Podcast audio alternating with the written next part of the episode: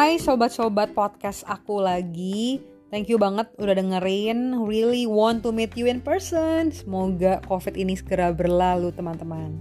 Nah, di saat-saat ini aku mau share mengenai pengalaman aku tinggal di luar negeri. Jadi sedikit cerita, aku itu pas abis SMA, aku kuliah di Hong Kong di suatu kuliah yang nun jauh di sana dekat pantai yang bernama Hong Kong University of Science and Technology. Terus kemudian di tengah-tengah aku kuliah itu aku ada ambil student exchange ke University of California Los Angeles yang namanya UCLA.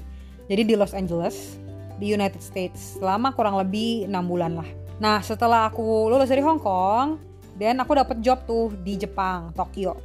Jadi aku mulai bisa spend ya kerja lah ya di Tokyo selama kurang lebih hampir setahun. Dan kemudian aku balik ke Indonesia lagi kerja di Unilever.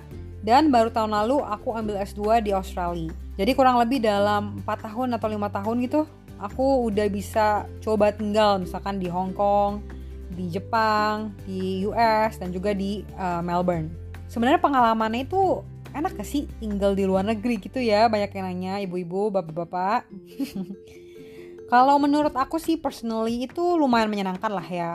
Otomatis pasti ada up and down-nya, ketemu orang aneh-aneh banyak, pengalaman loss banyak, pengalaman kebingungan, uh, nervous, homesick ada. Jadi itu pasti ada. Nah, tapi aku ngomongin dulu nih baik-baiknya ya dari hidup di luar negeri. Jadi kalau aku sendiri personally itu merasa ketika aku tinggal di luar negeri, aku tuh jadi lebih of course pertama lebih mandiri. Karena aku harus belajar untuk tinggal sendiri tanpa orang tua, belajar ke grocery sendiri, belajar apa ya, ngurusin semua sendiri lah, even dari bayar apartemen, bayar listrik, terus kemudian uh, masak, dan lain-lain gitu. Aku harus urus semuanya sendiri. Nah itu pertama yang aku merasa very important lesson lah buat aku anak yang selalu pada saat itu tinggal sama orang tua untuk belajar hidup sendiri. Nah, lalu yang kedua adalah yang aku juga appreciate banget ketika aku tinggal di luar negeri adalah ketika aku bisa ngeliat banyak banget inovasi atau teknologi kece-kece di luar negeri. Yang sebenarnya di Indonesia aku rasa kayak bisa kayak tiga tahun lagi gitu ya atau lima tahun kali jadi kayak lama banget That's why aku merasa kalau di luar negeri tuh kayak berasa lebih keren aja gitu ya. Kayak pas itu aku di Tokyo udah ngeliat robot yang jadi waiter. Atau robot yang jadi resepsionis gitu. Yang kayaknya kalau di Indo tuh kayak masih jauh banget kan. Nah juga pas ketika let's say aku di Australia aku bisa melihat banyak banget makanan-makanan yang berinovasi banget. Yang setelah aku balik Indo tuh baru banyak yang ngikutin jadi aku tuh bisa ngelihat dan belajar dari cara pikir mereka, teknologi dan kok kenapa ya ini orang-orang di luar negeri tuh banyak kan bisa banget lebih berinovasi, lebih cepat daripada Indonesia. Jadi aku belajar dari mereka. Itu yang kedua, yang menurut aku tuh the exciting thing lah untuk tinggal di luar negeri. Dan juga yang ketiga itu adalah aku juga bisa apa ya belajar dari orang-orangnya ini ketika let's say aku kerja ya di luar negeri waktu itu disempat kerja di Jepang atau organisasi di Hong Kong atau uh, kerja dan juga kuliah pas aku di Melbourne itu aku bisa dapat chance untuk bisa kerja sama dari orang sama US, orang India, orang Spain, orang uh, Sri Lanka, banyak banget dari banyak-banyak negara. Nah, ketika itu tuh aku bisa lebih tahu nih cara pikirnya gimana dan culture mereka seperti apa. Karena sebenarnya kalau aku baca juga dari suatu artikel yang dirilis sama Forbes, top 10 uh, traits yang dicari untuk pekerja itu adalah salah satunya ability untuk bisa kerja uh, dengan culture yang berbeda atau diversity. Kenapa? Karena sebenarnya banyak banget perusahaan-perusahaan tuh yang udah go internasional, yang membutuhkan karyawan-karyawannya tuh able untuk bisa work with different cultures. Nah itu yang aku pelajarin banget. Lalu ada nanya dong, emang sesusah itu ya? Kerja sama orang India atau orang US ya jujur banget. Silakan dicoba bapak-bapak ibu-ibu. Karena nggak semudah itu. Cara pikirnya beda banget. Misalkan kayak orang US kan misalkan atau orang-orang yang aku lihat di Melbourne cara pendidikannya tuh everyone is very outspoken. Kayak ngomong aja direct aja. Sedangkan orang Indo kan suka nggak enakan ya. Jadi ketika kita kerja sama mereka itu tuh kadang suka jadi setelek lah atau mungkin jadi beda pendapat karena sebenarnya bukan dari pendapat di otaknya tapi cara misalkan the way komunikasinya itu udah beda Nah jadi ketika aku bisa belajar, oh oke okay, cara pikir A tuh kayak gini, cara pikir B kayak gini, itu membuat aku juga jadi lebih orang yang adaptable, meaning aku bisa berubah atau beradaptasi sesuai dengan kerja sama siapanya. Jadi itu yang membuat aku bisa lebih apa ya lebih qualified kali ya untuk bisa uh, misalkan daftar-daftar di perusahaan-perusahaan multinasional. Nah lalu aku juga ngerasa sih sebenarnya kalau tinggal dua negeri itu aku senang juga adalah gimana aku bisa solo traveling gengs. Karena aku berasa kayak kalau di Indonesia tuh gak akan boleh men sama orang tua gue atau sama cowok gue gak akan boleh cuy. Jadi kalau gue di luar negeri itu gue sering banget solo traveling dan aman banget kan kayak gue di Hong Kong kayak bisa banget bayangin hiking cuman tiba-tiba aja dadakan jam 11 malam sampai jam 4 pagi. Dengan pakai kereta doang MTR kalau misalkan kayak di Indonesia kan lu harus kayak lumayan jaraknya jauh tuh kalau ke gunung. Kalau di Hong Kong di luar negeri tuh gue merasa lebih cepat aja. Terus waktu itu di Jepang gue ada sekali sebulan sekali gue pasti akan selalu jalan-jalan hiking sendiri atau bahkan kayak explore new city sendiri yang dari transportasinya pun jadi lebih memadai dan lebih aman. Jadi tuh gue merasa kayak dapat opportunity lebih kali ya untuk gue bisa explore myself dan juga explore uh, explore the world. Itu yang gue merasa value banget ketika gue di luar negeri. Nah udah nih gue udah sebutin anak-anaknya nih. Nah setelah itu jadi pertanyaan lagi dong, emang saya anak itu ya? Masa kalau kayak gitu ya udah semua orang aja tinggal di luar negeri. Tapi gengs sebenarnya menurut aku tuh ketika aku pulang dari luar negeri satu hal yang aku miss sih yaitu um, aku tuh jadi harus bangun network aku lagi dari awal. Karena ketika aku tinggal di luar negeri otomatis aku jadi orang yang istilahnya bangun network kenalan sama orang Sri Lanka orang Eropa orang Kolombia US semuanya teman-temanku di luar negeri semua jadinya jadi ketika aku mau pulang ke Indonesia, mau buat karir di Indonesia, buat bisnis di Indonesia, yang di mana sebenarnya lebih mengharuskan aku untuk punya network di Indonesia, I don't have any.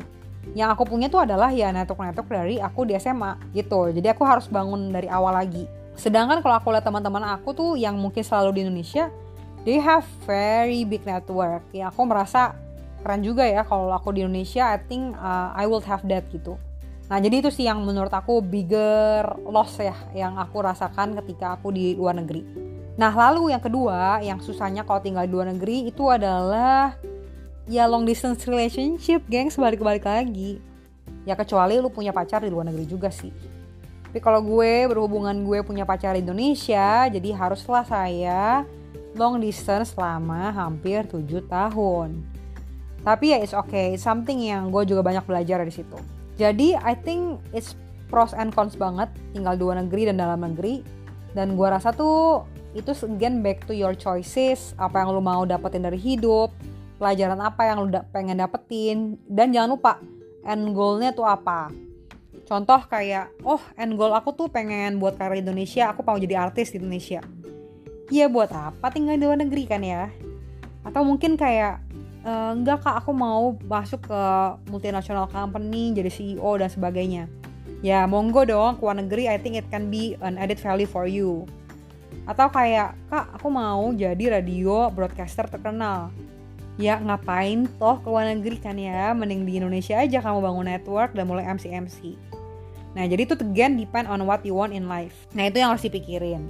Oke paling segitu sih konten berbobotnya dan aku tuh mau share sedikit nih satu pengalaman aku. Pas aku ke UCLA di United States dan itu tuh aku ketemu sama orang aneh banget.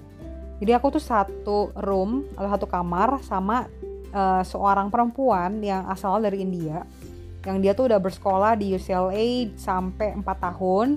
Jadi udah tahun terakhirnya dia lah ya.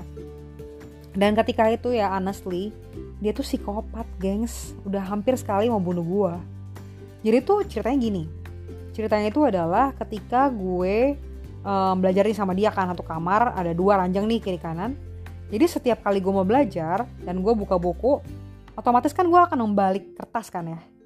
Nah setiap kali gue balik kertas tuh dia selalu merasa marah banget.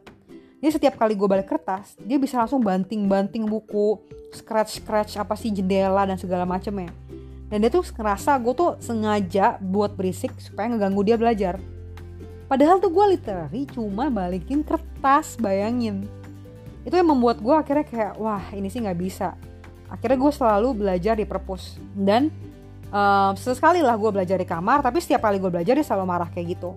Nah terus sekali gue pun tidur ketika dia belajar sampai pagi Nah ketika lo tidur kan lo nggak tahu bahkan lo bolak balik badan atau mungkin kayak lo bahkan ngigor anything ya lo nggak nyadar lah ya. Nah si perempuan ini tuh dia sampai pas gue bangun tuh dia nunjuk-nunjuk muka gue dan marah-marah bilang lu tuh sengaja ya bolak balik pas tidur karena lu pasti mau ganggu gue belajar. Lah ya heran lah ya saya ketika menghadapi orang kayak gitu kan. Kayak gue bahkan nggak nyadar men pas gue lagi tidur.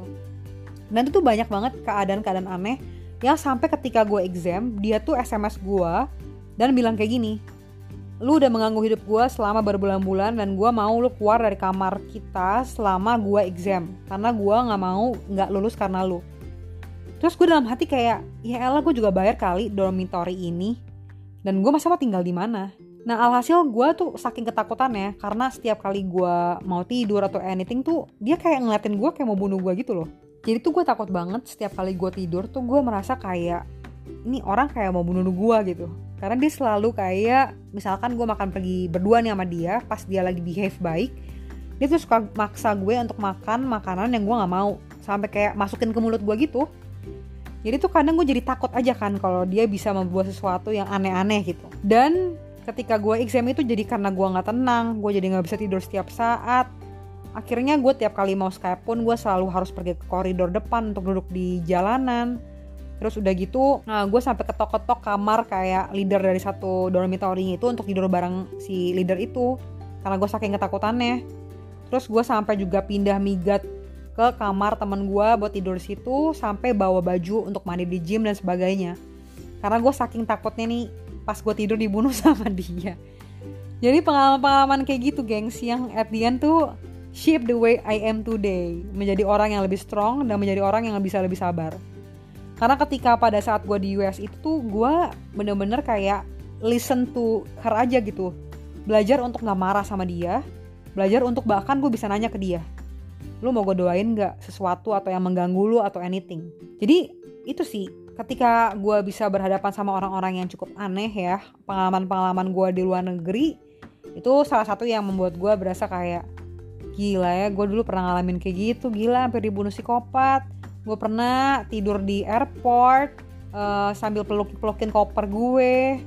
Gue pernah kayak solo traveling ke Eropa sendiri dong ke Paris ketika setelah itu abis pem pemboman atau abis tembak-tembakan masal or anything lah. Jadi banyak banget pengalaman aneh-aneh. Yang mungkin lain waktu gue bisa ceritain. Pokoknya itu sih such a lovely exciting weird experience ketika gue pernah tinggal di luar negeri. Jadi paling itu aja. And kalau teman-teman mau dengar cerita gue aneh-aneh, please request gue ke DM gue di Instagram. Karena gue nggak tahu nih apakah ada yang mau dengar cerita gue aneh-aneh atau enggak. Oke, paling gitu aja guys. Thank you everyone dan hopefully this can help you untuk menentukan your life ke depannya apakah mau tinggal di luar negeri or not. S2 ke luar negeri atau mungkin kerja ke luar negeri. Thank you semuanya. Bye, stay safe.